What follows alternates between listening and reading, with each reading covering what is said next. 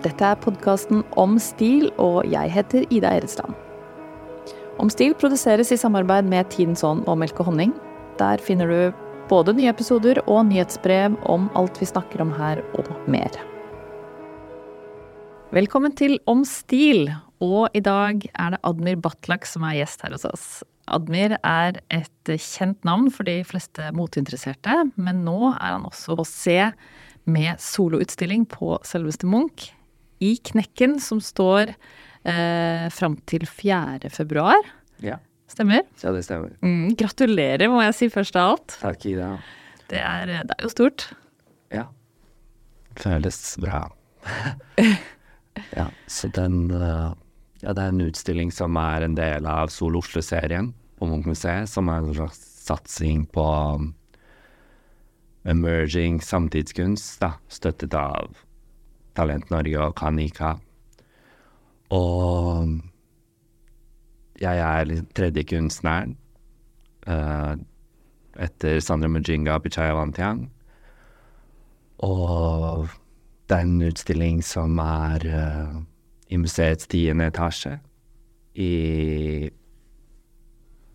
på en måte en del av museet hvor bygget begynner å knekke. Mm. Så utstillingsrommet er det sånn karakteristiske skråveggen, som på mange måter var uh, utgangspunktet for hele verket. Mm. Og også ble en sånn beskrivende tittel. Ja. Ja. ja. for den er litt sånn tvetydig, den tittelen. Ja, altså. In the King. In the King på Uh-huh. engelsk. Ja. Jeg ville alltid vært opptatt av kanskje språk som kan gå flere veier. Men ja, så Og begreper og, og Ja. konsepter som kan uh, leses på ulike måter, og ikke minst fra unorsk til In the King, liksom. Ikke ja. sant? ja, og så tror jeg det begynte for meg som en sånn veldig sånn tidlig idé som uh, kanskje begynte nesten med plasseringen av verket, da. mm. For jeg tenkte at dette, denne veggen eller og høyden, som er på åtte meter, liksom ikke kunne ignoreres. Så jeg tenkte at det var noe jeg måtte ta tak i. Jeg tror det har vært fem utstillinger på museet før det, og alle har vært delvis eller uh, helt mørkelagte. Så jeg vet ikke, så jeg følte bare at kanskje jeg hadde lyst til å bare slå på lyset og bruke rommet for egentlig det det er. Så det er liksom Nei, altså, jeg tenkte for å beskrive litt for, um, for um, Altså, alle må jo gå og se det Ja. selv, men, uh, men sånn uh, Kanskje sett litt bilder og sånne ting. Og det fins også en veldig fin film som kanskje Ja. ligger ute på Munchs eh, Ja. hjemmesider. Som, som forklarer litt om både prosessen og hvor du ser litt av verkene. Men for folk som, som ikke har vært der, så er det altså store veggarbeider med mye tekstil og paljetter. Eh, Du har også en veldig spesiell eh, teknikk, hvor du på en måte bruker strykejern for å bearbeide eh, Er det stoff som har hatt paljetter på før? Nei. Ja, altså nå har jeg jobbet med paljetter uh, Dette er kanskje det tredje sånn fulle prosjektet som uh, bruker paljetter som hovedmateriale. Og det er sånn to hovedteknikker i denne utstillingen her. Den ene er uh, noe jeg har gjort før, da, men gjør på en slags ny måte nå, som er denne sveisingen med strikejernet. Hvor jeg på en måte komprimerer eksisterende metervarer som jeg kjøper Det meste jeg kjøpt på Grønland. Jeg sier at jeg liksom prøver å gjøre paljetten til et slags sånn byggemateriale, da. Hvor jeg komprimerer den eller smelter den sammen til en mer sånn skulpturell form. Og den andre er en slags sånn hva skal jeg si, nesten et slags malerisk verk, da. Som egentlig er i utgangspunktet uh, print, lag på lag print, hvor jeg har skannet gamle paljettarbeider. Og hva skal jeg si, igjen da, med strikejernet, på en måte Vet ikke, jeg har jobbet med Cannon, da.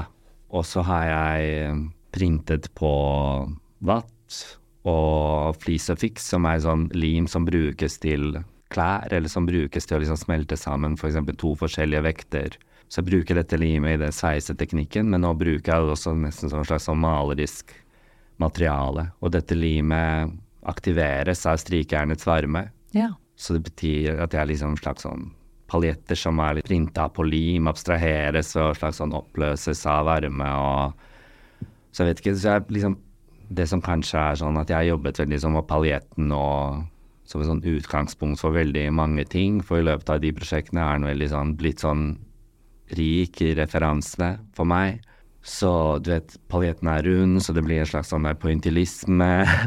så jeg tenkte på liksom pointillistiske landskap og og paljetten som liksom blir et landskap og blir natur, så begynner jeg liksom å connecte det til en slags uh, friluft og litt sånn outdoors-idealer som liksom du vet fins på litt sånn appene. Jeg snakker om sånn outdoors-kapital eller friluftskapital, hvor man skal liksom fremstille seg selv som frisk. Så er det liksom morsomt liksom, fjollete tingen i verden prøver å være sånn Ja, ja. friluftsexy. -huh.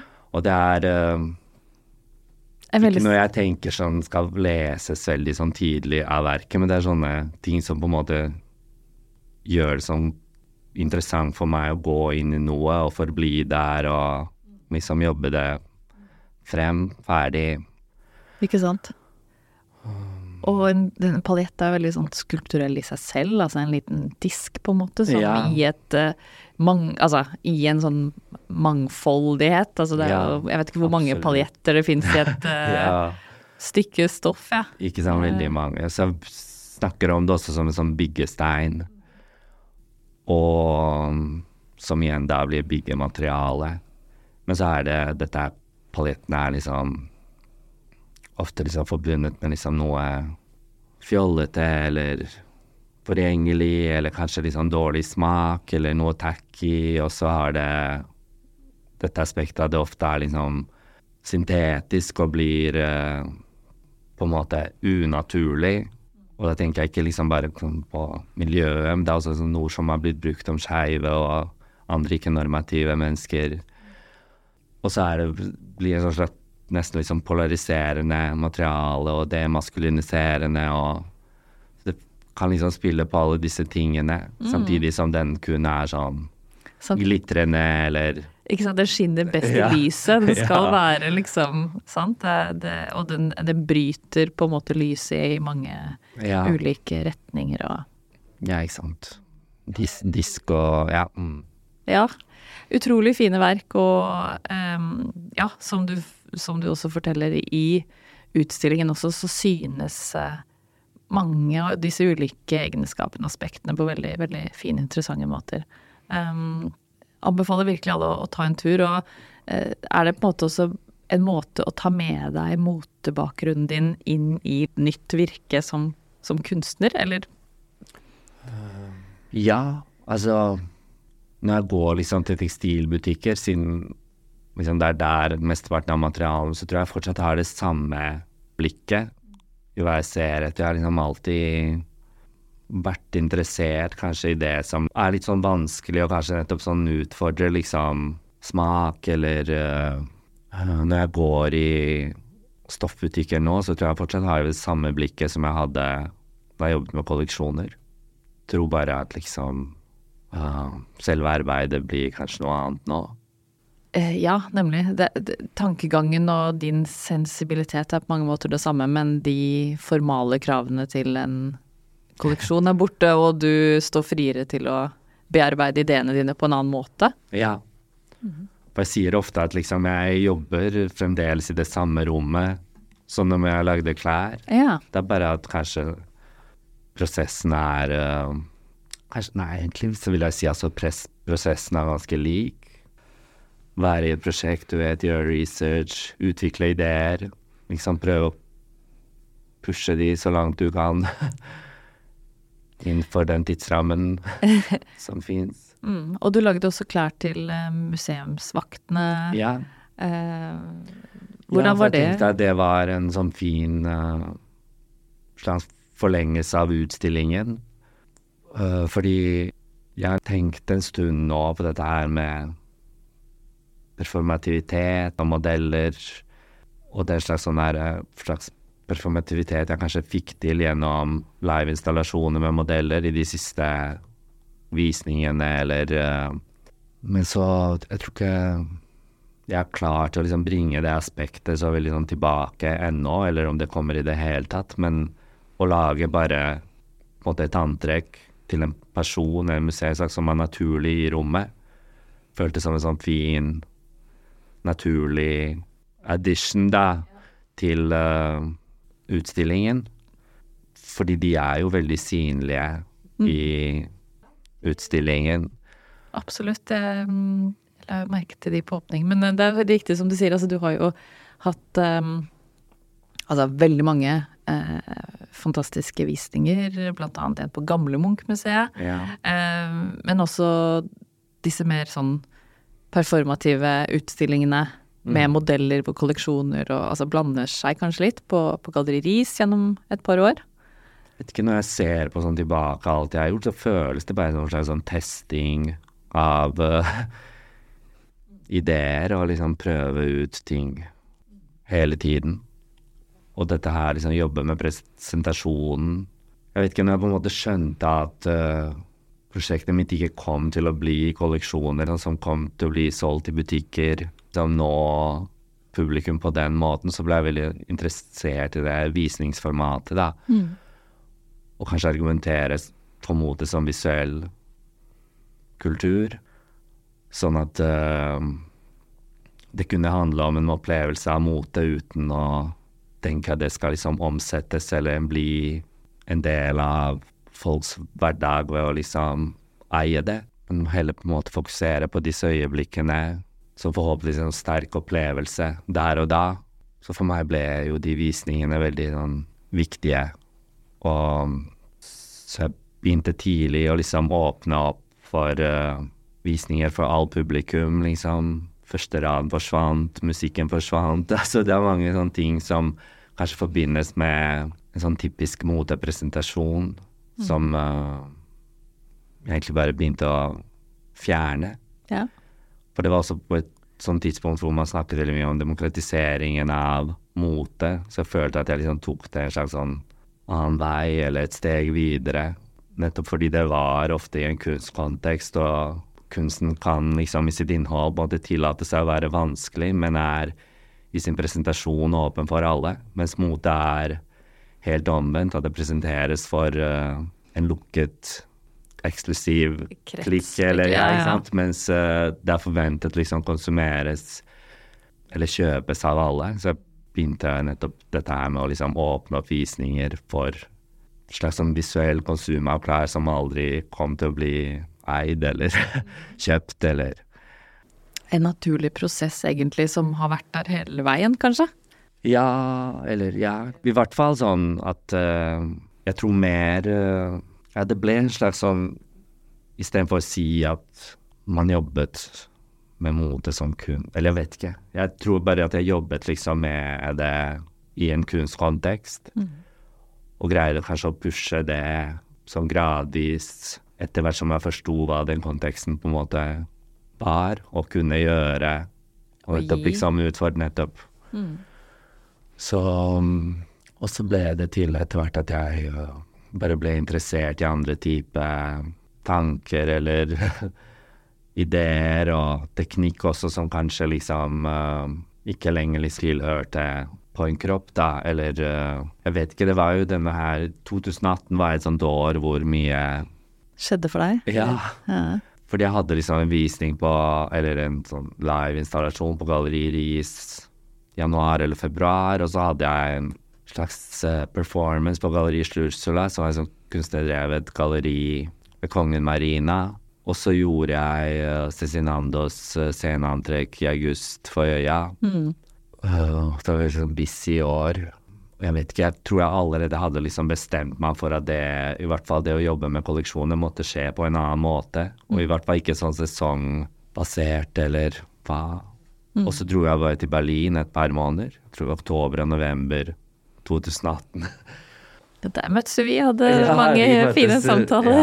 Ja, absolutt. Jeg leide jo leiligheten til Yngve Olen, mm. mm. som du kjenner godt. Mm. ja. Og ja, hvordan var det å komme dit? Var det Uh, altså jeg så på det veldig som en sånn ferie. Fordi for meg så tror jeg hvis jeg skal ha ferie, så tror jeg jeg må dra vekk, liksom. Mm. Og jeg er veldig sånn avhengig av atelieret mitt og maskinene og det.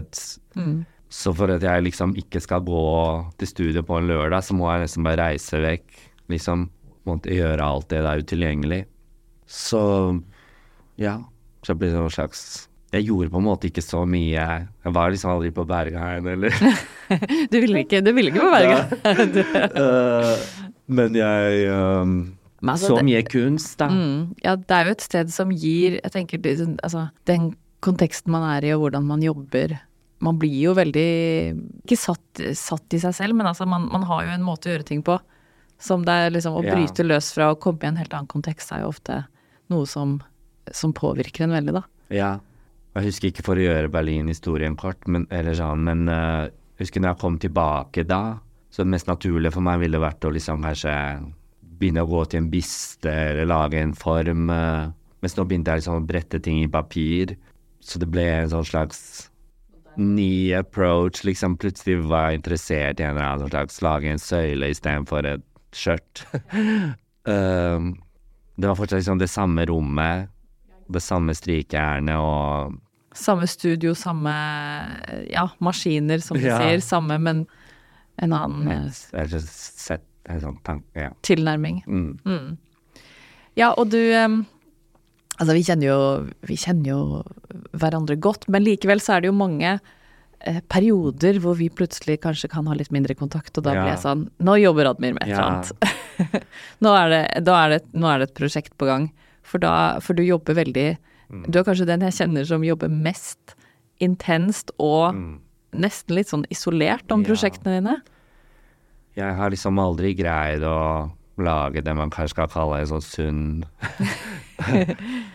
prosess, hvor jeg nettopp liksom, vet Jeg vet at det ikke er bra å liksom isolere seg eller slutte å trene og du vet gjøre alle de tingene som liksom skal visst gi veldig mye. Men det er kanskje nettopp det som trengs, da. At man gir seg selv den plassen, og gir prosjektet den plassen. Ja. At det får ta Så jeg vet ikke, det er bare sånn øh, Jeg har Jeg vet ikke. Det blir sånn hver gang. Og jeg greier liksom ikke å Jeg vet ikke, det tar liksom over. Ja. Det er uh, alltid føles litt sånn uh, så Ingrid Egen, god venninne av meg, som jeg også bor med, hun, kaller, hun sier alltid om det kan ikke være sånn liv og død hver gang. Men jeg vet ikke, jeg bare er uh, det, håpløs. det er sånn det fungerer. Altså, Ja. det, det Men det gjør jo Nå har jeg liksom vært Det er liksom tre uker siden utstillingen åpna, så jeg har vært på atelier kanskje tre ganger. mm, Det gjør at jeg blir helt sånn trenger litt space. utslitt på en måte. Ja. Ja. Og denne gangen var det jo litt spesielt, for vi også Jeg tenkte "Mm, Det er lenge siden jeg har sett om dere, og så ser jeg plutselig et bilde av deg på Ekeli, veldig I Edvard Munchs gamle atelier, og, der, eh, der eh, jobbet du frem den siste kolleksjonen. Eller kolleksjonen, sier jeg. Siste, siste utstillingen. Ja. ja.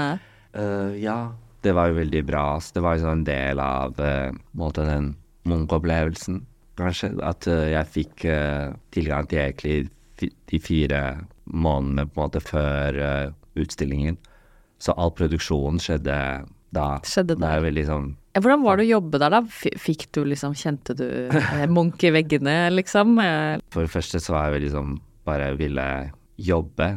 Det som jeg er mest takknemlig for, var jo plassen. Mm. Fordi jeg kom fra et sånn bitte lite rom som Altså det er jo ikke bitte lite, men bare at det var noe med å liksom se et sånt verk som på en måte ønsket å bli monumentalt, og liksom se det sammenhengende over tid. Um, så det verket kunne ikke liksom blitt laget i et mindre rom.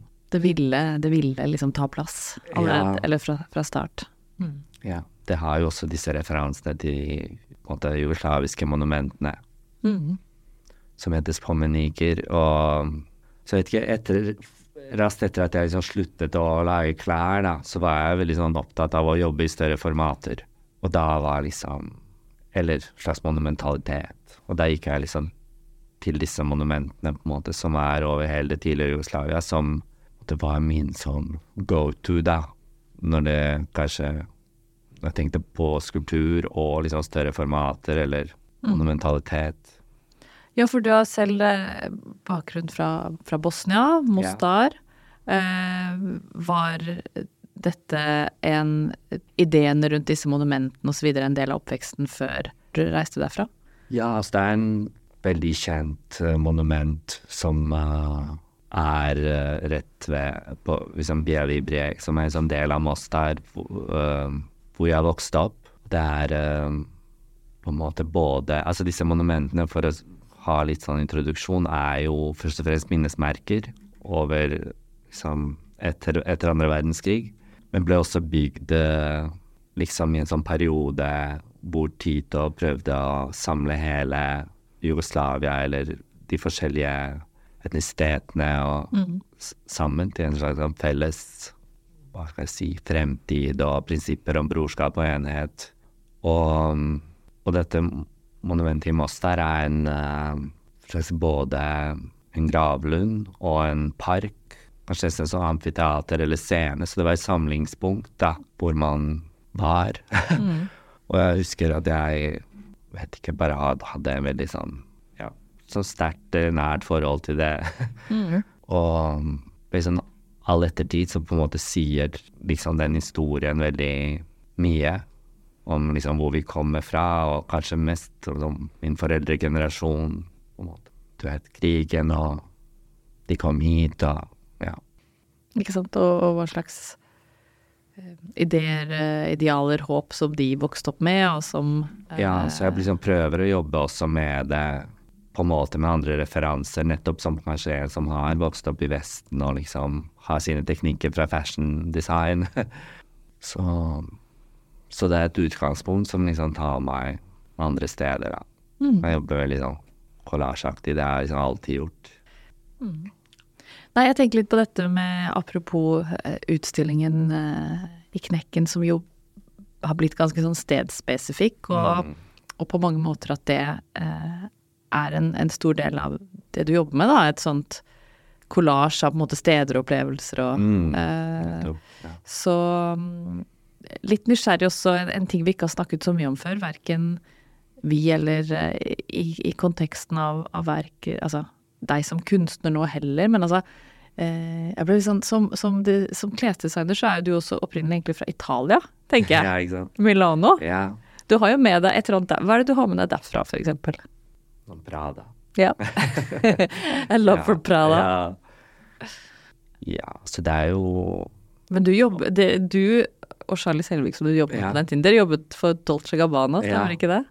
Så du har med deg en sånn erfaring fra liksom hva skal jeg si eh, det øverste divisjonen av eh, moteindustrien også. Ja. Eh, som Var det avskrekkende, eller var det inspirerende, eller var det liksom Hvordan var det? Altså, jeg vet ikke. Når man ser på det i etterkant, så mote i Italia er en veldig sånn, kommersiell ting.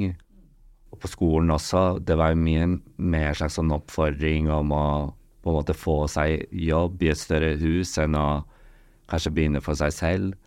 Og jeg gjorde jo nettopp det. Så Men jeg lærte jo selvfølgelig veldig mye der. Og det er sånne ting man kanskje også ser best i etterkant.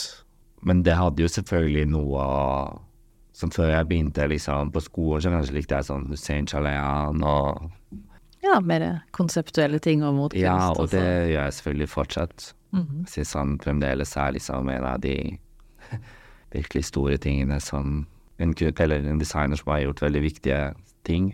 Men det ble kanskje liksom etter hvert en sånn kjærlighet for Prada og liksom hennes sånn måte å nettopp liksom kødde med smak og idealer og koder og som uh, Men på en sånn subtil måte.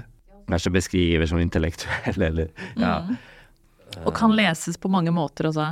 Eh, som kan være kan, også kan være bare det det er, da. Ja, nettopp. Men det kan være så mye mm. mer. Tenk litt på det. Jeg sitter her i dag i um, et av mine favorittplagg. En, uh, en jakke du har, uh, du har designet. Jeg vet ikke om du Og, og sydd, for så vidt. Men jeg vet ikke om du kan huske Altså, hvilken kolleksjon er dette?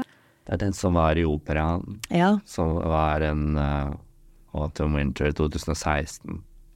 Eh, ikke sant. Og den var jo altså, helt fantastisk kolleksjon, jeg husker det veldig godt. Vist foran Olafur Eliassons eh, verk, lysverk, ja. i garderoben, eh, men som en del av det. Um, altså en innsvingt, tjukk ullblazer liksom. i ja. mørkeblått. Um, et plagg som på en måte gir masse støtte og selvtillit, da, kan man Ja. si. Og er eh, visuelt eh, nydelig, men sånn som også du sier, det ligger, det ligger mye i det, sånn som hos Prada kanskje. Det ligger ting i både visningen, i, i plagget, i presentasjonen, eh, i lag på lag, da. Men Mm. litt sånn som eh, Prada, så er det også materielt veldig presist og, og fint. Det er også veldig viktig for det har jeg inntrykk av. Det har i hvert fall vært det. Og er ikke Sånn jeg fint som i sånn Jo, jo, jo, altså, men jeg, så det er noe med det som er sånn mer sånn disruptive eller køddent, er liksom mer sånn i lesingen eller hele opplevelsen, heller liksom kanskje i plagget, på en måte. For jeg har um, Jeg har Altså, du vet hvordan jeg selv kler meg. Jeg vil jo liksom at det bare skal liksom funke. ja.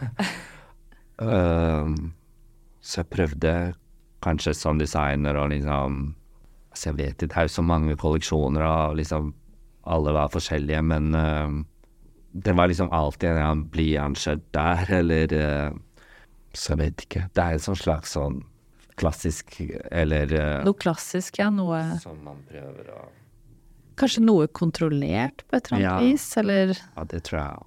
Et ord alle har brukt om det jeg gjør. uh, Men med en litt sånn eh, sydende eller en sånn eh, eh, Ja, noe under som kanskje i sin kjerne er mer eh, som du sier, da, overskridende eller eh, Mm. komplisert. Ja. Eh, at førsteinntrykket trenger ikke å gi bort Du hadde jo det veldig bra uh, utstillingstalen på Soft. Følte jeg som liksom beskrev mye av det jeg gjorde på en sånn treffende måte. Jeg, kan jo Du hadde jo en utstilling på Soft Gallery Ja. For um, Det var Et år siden? Ja, august sånn cirka. Litt, ja. Eh, og som også var eh, paljettverk eh, Mm. mot vegg, kan man kanskje si. Det er sånn Veggskulpturer, på en måte. Ja. Ja. Veldig fine, hvor du også eh, ba meg, eller jeg var så å få holde åpningstalen. Jeg kan jo si noe av det jeg sa der. ja. Det jeg sa da var noe sånt som um, Spenningen i Admirs verk beveger seg mellom mote og kunst. Poler som rører ved det presise. Forholdet til materialer, bevisst fordreining og finslipte prosesser til det mer messy. Kropp, identitet, smak og sex. Med en kjærlighet for det dypt overfladiske. Høres det ut som deg? Ja, absolutt. Jeg syns det er også bra noen ganger når andre sier det, Mm. istedenfor at jeg skal For jeg har alltid hatt denne følelsen av liksom blir sånn devaluerende å forklare seg selv. Ja. Liksom at man tror på det visuelle som en sånn Som- egen styrke, eller Mm. som nettopp liksom holdes på en måte åpent. Nettopp ved å være Ja. visuelt og ikke tekstlig. Ja. Ja, ja. Men det var, syns jeg, veldig sånn bra, sterk beskrivelse. Som jeg gjerne vil liksom leve opp til. ja. Ja, det er veldig hyggelig. Men eh, Nei, men det er jo eh, Jeg, sy- jeg syns absolutt eh, et, Og vi har jo jobbet sammen sånn sett i mange år, med en dialog, liksom. ja, virkelig. Og at uh, i, i dine verk så er det veldig sånn lag på lag. Veldig mye interessant å ta av. Det er uh, Ja, man kan se det på ulike måter og fra ulike vinkler. Men, men nettopp det her syns jeg er litt sånn en kjerne, da. Ja. Uh, at du har denne litt sånn eh, litt sånn sexfokus. Nei, ikke i det hele tatt. Men at du, du har en, en slags Disse, som du Ja, nevnte ved paljettene, at det er eh, et eller annet sånt eh, En sånn slags Men det er jo begjær og liksom det å gjøre seg selv sånn Ja, det er uh, noe der som er sånn veldig sånn slags en sånn mainstream, riktig måte å presentere seg selv på. Som jeg syns alltid har vært sånn interessant, da. Og kanskje sånn På en eller annen måte jobbe litt sånn subversivt med det. mm, På en måte vise liksom dets innflytelse, men også liksom kødde med det, eller uh, liksom kanskje sånn sette idealer i også et slags sånn problematisk lys, da. mm, Um, men jeg Du vet aldri, jeg har vært veldig sånn glad i å kanskje nettopp sånn derre Forklare hva er det man skal se, fordi det er nettopp at dette har, det har liksom det aspektet av det også bedrar deg ved å kun være liksom overflate, eller kun være liksom Altså her um, tenker jeg ofte at den um, parallellen til mote er ganske synlig, da. At uh, et um, undervurdert på mange måter felt, i hvert fall kanskje intellektuelt Ja. på en eller annen måte, eller kunstnerisk også, um, liksom hiding in plain sight, som du sier. Uh, man kan påvirke eller dra inn en masse ganske interessante, nye, ja, litt sånn disruptive ideer. Ja. Eh, egentlig rett foran folk, uten at de Ja. reagerer helt, da. Ja, og det tenker jeg liksom er også Kanskje som en sånn kunstnerisk praksis også. At uh, kanskje folk som har sett det over tid, vil forstå det på en bedre måte, heller noe som kanskje bare ser et antrekk, men at det liksom åpenbarer seg hva det langvarige interessen er, eller Og for meg har det alltid vært kanskje dette her med liksom smak og idealer. Det høres jo veldig sånn generelt ut, men det er på en måte det som liksom holder meg der, da, på atelieret. Og så drar jeg det på en måte steder som er liksom interessante for meg til enhver tid. Så jeg er liksom ikke trofast heller mot å liksom løse noe eller uh, kommentere det ferdig heller. Jeg er liksom bare trofast egentlig mot det prosjektet jeg holder på med akkurat nå. Og, og sånn sett så tror jeg derfor det er sånn lett for meg å gå videre også, på en måte. At det er uh, Jeg ser liksom hvert eneste prosjekt som en sånn I seg selv, ja. Ja. Og på en måte, der tenker jeg at moten og motens på en måte vesen er interessant, eller i hvert fall kanskje kan ha vært Jeg vet ikke om det har spilt med i din måte å se ting på, men nettopp denne illojaliteten, eller, Mm, eller kanskje bare ja. omtanke for da eget prosjekt, at man hele veien kan endre ting, ting kan forandres, eh, ting kan Skal helst være radikalt annerledes fra gang Ja. til gang, eller Og i hvert fall i den perioden hvor jeg tenker var sånn formative years for oss, da. Mm. Som er om begynnelsen av 2000-årene. Altså, du kunne Det var en sånn, hva skal man si, idérace nesten på liksom hvor uh, Balenciaga i Paris og Prada i Milano, liksom det gjaldt å liksom gjøre noe nytt. Så det var en sånn slags forventning om å snu det på hodet, også på skolen et, for hvert prosjekt. Ja. Nemlig. At det ikke at, var en sånn slags på en måte mål om å liksom finne seg selv, Nei. men heller liksom gå videre. Ja, ja, ja. Ikke en sånn eh, konkretisering av et DNA, eller sånn som man Nei. gjerne snakker i dag. Ja, nettopp. Og det var litt Du snakka om sånn illojalitet. Jeg er sånn gjør seg selv irrelevant, nesten. Bare liksom gå videre. og det tror jeg Men det er veldig viktig at det ikke liksom misforstås med liksom det med å liksom lage nye produkter og konsum, for det følte jeg liksom moten kom mer som til på et senere tidspunkt. Det her var ofte veldig sånn små visninger, med mange færre antrekk enn det som presenteres i dag. Men bare det å liksom pushe det feltet eller faget, liksom Ja, så jeg husker når man gikk sånn på veldig bra butikker, det var jo nesten som å gå og få seg en opplevelse av hvordan noe var laget. Og når du løftet et kompla, eller hva som helst, liksom, du tenkte ikke at dette er liksom nødvendigvis noe å se kult til. Liksom. Jeg tenkte dette er liksom tar noe videre, liksom. Absolutt. Og, og en sånn eh, ting som eh, Altså på 90-tallet jeg vet- du, vi, har vi har vel snakket før også om den visningen til Mark Jacobs for Perry Ellis, og Ja, ja. noe som på en måte i dag kan se så ordinært ut, eller så eh, Ja, liksom en Ok, å gå fra en sånn sportswear eller Mm. Perry Ellis eh, som merkevare til at Mark Jacobs gjorde det til en sånn grunge-ting. Altså, det kan se så ordinært ut i dag, men det var virkelig det å ta et sånt grep, da. Mm. eh, og bruke mote som en Ja, som en måte å introdusere rett og slett nye ideer, eller Ja. eh, Og det er jo Selvfølgelig gjøres det fortsatt i dag, men eh, Men er ikke det også liksom troen på det også grunnen til at du og jeg nettopp har forblitt i det feltet over så lang tid, Absolutt. uten liksom å stable sånn lønnsomme karrierer, eller Uten å ha blitt uh, megabrands, eller, Ja. ikke sant? eller vært med på den på en måte hyperkommersielle greia som, som jo uh, har vokst opp parallelt, selvfølgelig, eller har vokst opp uh, siden den tid, det også. Ja. Um, og nå høres det ut litt sånn Gen X-ray, som vi kanskje til en viss grad er, selv om vi er uh, millennials. Men uh, Nei da, men altså disse, disse idealene som på en måte var veldig ja, tydelige, da, i, i kanskje våre formative moteår, er jo noe som det åpenbart er mye punchy, da. For Ja. det, det genererer jo fortsatt ideer og, og tanker den dag i dag. Ja, for det er eh, Det er liksom vanskelig å forklare og liksom å se tilbake på det Mm. i form av bilder. Gjengjør jo ikke den følelsen. Og det er sånn Skal vi liksom sitte der og være nostalgiske? Nei, nei, nei, nei. Ikke sant? men, Jo, eh, nei, absolutt. Og man, man kan jo godt bli det, men, Men, det er jo eh, noe som kanskje var på den eh, Ja, og jeg tenker at den tiden hvor du virkelig sånn var spent på liksom hva som skulle bli vist, da. Mm, mm.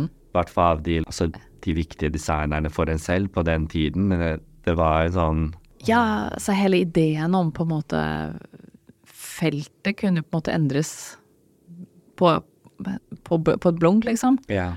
Um, men jeg kan føle at den, det, det feltet der du jobber i dag, og som jeg også har vært veldig interessert i dette med møtene mellom mote og kunst, at det her er potensialet, da. Eller at det skjer, det skjer ting som man ennå ikke har funnet ut av på et eller annet vis. Og det trigger jo meg, i hvert fall. Ja. Og jeg vil tro trigger deg òg. Ja, for jeg var veldig sånn I det når jeg begynte å jobbe med skulpturer, så var jeg jo også kanskje sånn opptatt av ikke sånn brått definere det som liksom en sånn skifte, selv om det jo var det, og jeg har alltid vært tenkt at hvis det vises i kunstkontekst, så er det jo delvis det det er, på en måte. Men, eh, men det er jo dette her at moten har alltid på en måte vært som begrenset til å være Eller ha en slags destinasjon i form av et plagg, liksom. Eller eh, mens kunsten kan være hva den vil. Så det er liksom nettopp det, og liksom, kanskje liksom en skulptur kan være mote, eller og Altså, nå vet vi at det kan det, liksom, men det, på den tiden så var det liksom Ja, og jeg tenker vi vet at den kan det, men er det egentlig ja. akseptert? Ikke akseptert, for det blir feil å si, men all snakk om eh, som bærekraft, eksempel, hvordan man skal få ned klesforbruk osv., og, Mm.